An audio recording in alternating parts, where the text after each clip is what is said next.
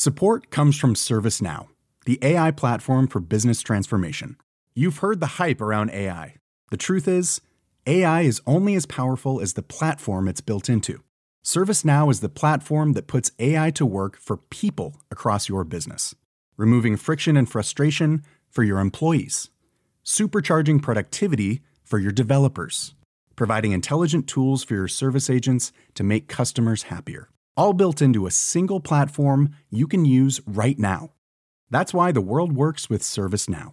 Visit servicenow.com/slash AI for people to learn more. Hiring for your small business? If you're not looking for professionals on LinkedIn, you're looking in the wrong place. That's like looking for your car keys in a fish tank. LinkedIn helps you hire professionals you can't find anywhere else, even those who aren't actively searching for a new job but might be open to the perfect role. In a given month, over 70% of LinkedIn users don't even visit other leading job sites. So start looking in the right place. With LinkedIn, you can hire professionals like a professional. Post your free job on linkedin.com slash people today. Hei, mitt navn er Marius Lorentzen, og velkommen til denne helgeepisoden av Økonominyhetene, der vi presenterer et utvalgt intervju fra uken som har gått. Hverdagene kan jo være hektiske, og det er ikke lett å få med seg alt som skjer. Derfor finner vi frem klipp som vi mener kan være interessant å høre, enten fordi de har lært oss noe, er underholdende eller fikk frem en nyhet. Og med det så setter vi i gang, vær så god.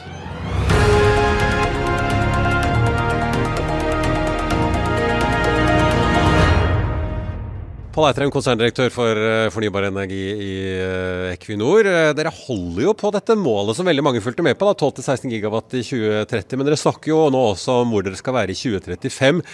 Er det litt sånn at dere også kjøper dere litt mer tid nå for å faktisk nå målet? At målet er det samme, men man sier at man trenger også tiden?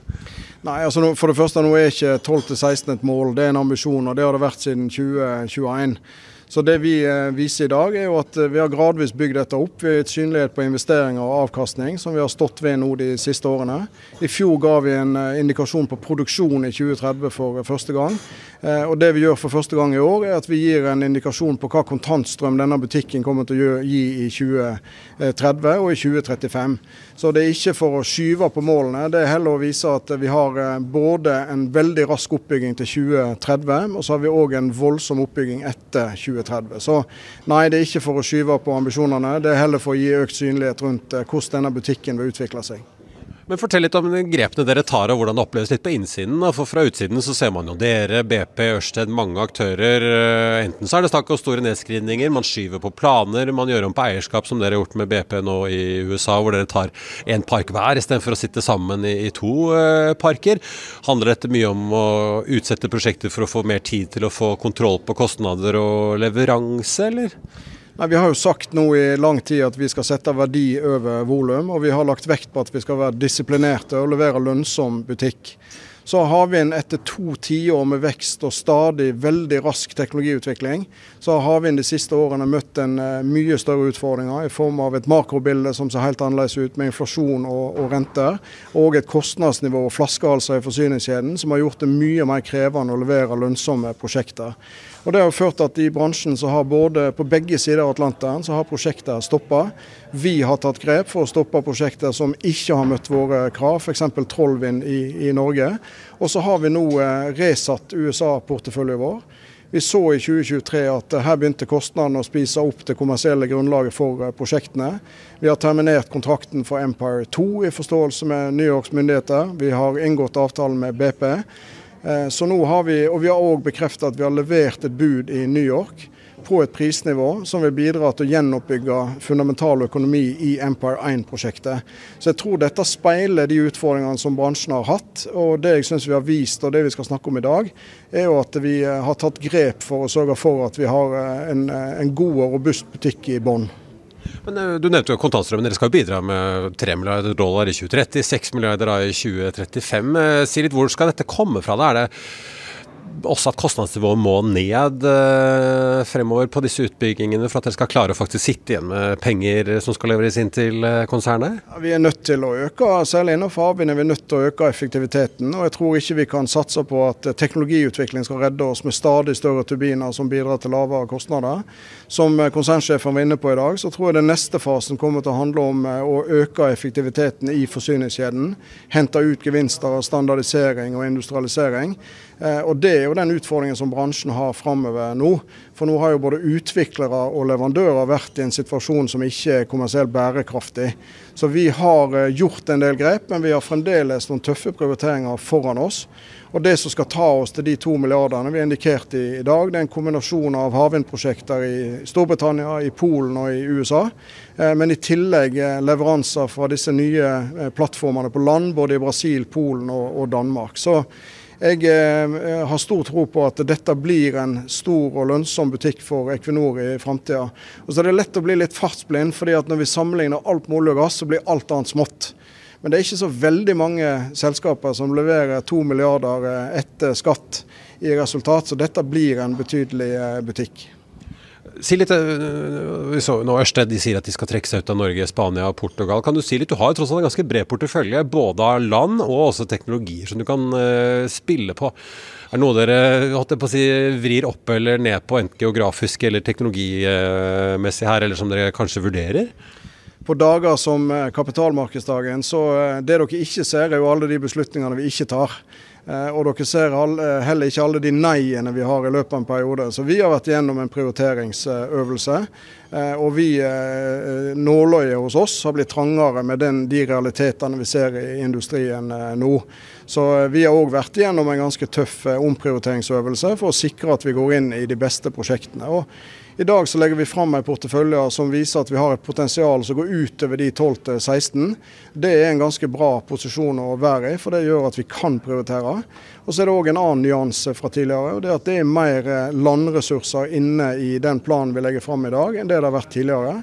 Og Det er fordi at i det korte bildet så ser vi eh, mer robust lønnsomhet innenfor Eh, batteri og land, vind og sol på land enn vi ser i det korte bildet på havvind. Men vi har ikke endra vår langsiktige tro på at havvind blir en viktig del av energimiksen framover. Så det blir en båndplanke i strategien òg i de neste årene. Hey, it's Danny Pellegrino from Everything Iconic. Ready to upgrade your style game without blowing your budget? Check out Quince. They've got all the good stuff, shirts and polos, activewear and fine leather goods all at 50 to 80% less than other high-end brands. And the best part? They're all about safe, ethical, and responsible manufacturing.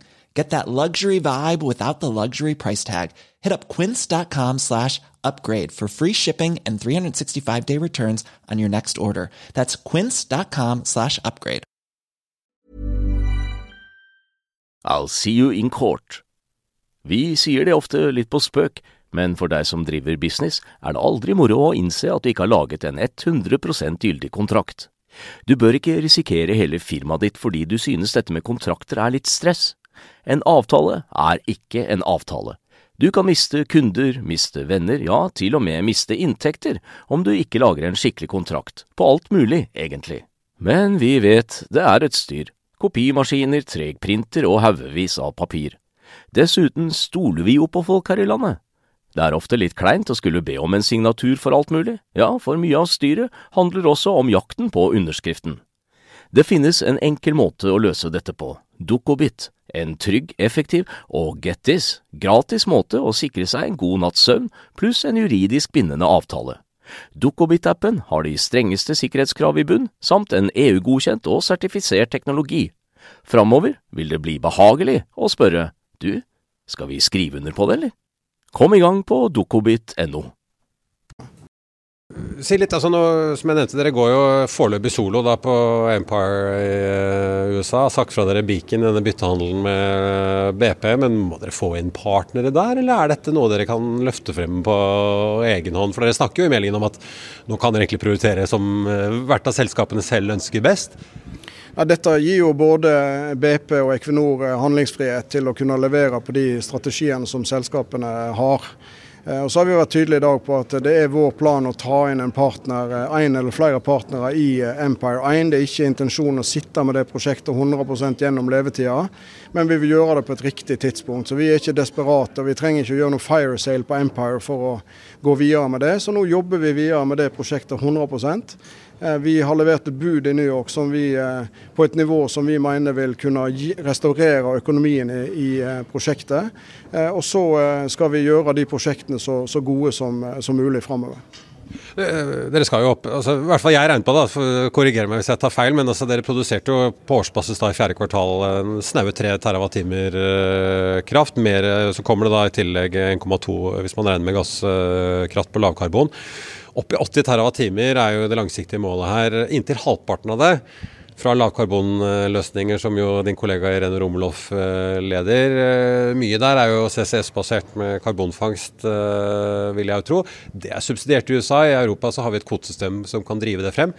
Si litt om konkurransen internt for kapital her, da. fordi Dere går jo nå ut og sier at begge disse to segmentene, fornybar og lavkarbon, er ventet å levere mellom 4-8% realavkastning.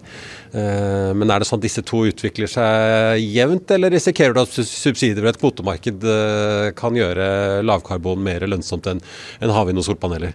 Nei, altså vi har veldig tro på at begge de segmentene vil, eh, vil vokse kraftig og på lønnsomme betingelser i årene som, som kommer. Og vi har jo en en klar ambisjon om å styrke lavkarbon eh, kraftproduksjon i forhold til naturgassbasert med, med CCS, i framtida hydrogen og potensielt ammoniakk.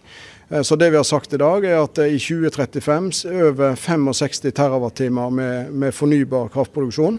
Eh, og så 15-40 TWh med lavkarbonproduksjon. Så jeg opplever vel heller at det er synergier mellom disse, snarere enn at de konkurrerer. For mange av de markedene som vi går inn i, går vi inn i sammen. Vi gjør det mot eh, kunder og motparter som vi har jobba med i snart 50 år.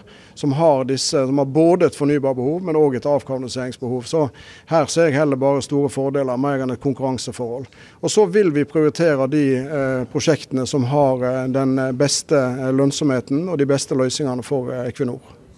Til slutt, eh, Eitrheim, hvis man nå ser på disse havvindprosjektene, i hvert fall fra det jeg kan se, så er de som har blitt sanksjonert i bransjen nå, veldig mange av de er basert på leverandørkontrakter inngått da før inflasjonen virkelig traff og rentene steg.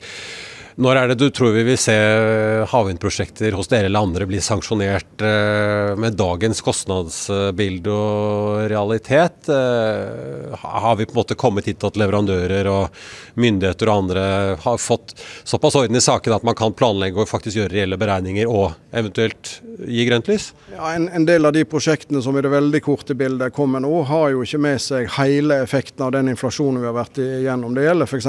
Empire, der, eh, som er et av de modneste prosjektene på østkysten. Både fordi vi har jobba med, med myndighetsgodkjenninger i mer enn fire år, men vi har òg alle de sentrale eh, leverandørkontraktene på, eh, på, plass. Og Så begynner vi å se noen små tegn nå til at ting kanskje begynner å snu.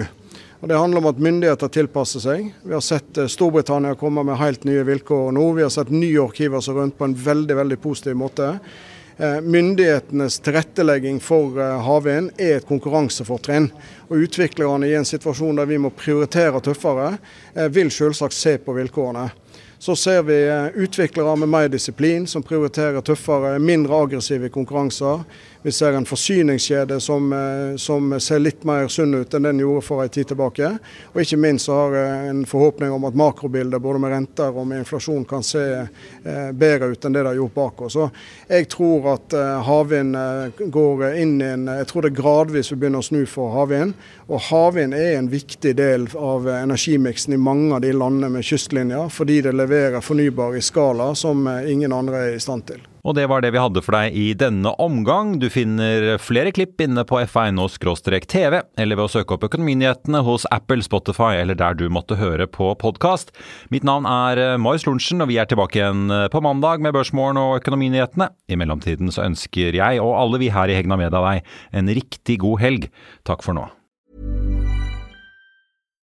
Support comes from ServiceNow, the AI platform for business transformation. You've heard the hype around AI.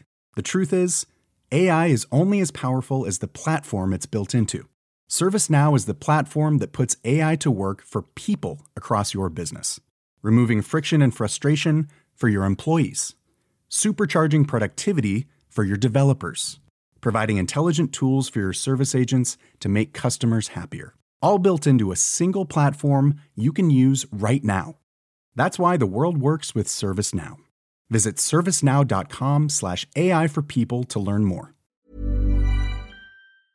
Økonominyhetene er en podkast fra Finansavisen. Programledere er Marius Lorentzen, Stein Ove Haugen og Benedikte Storm Bamvik. Produsenter er Lars Brenden Skram og Bashar Johar.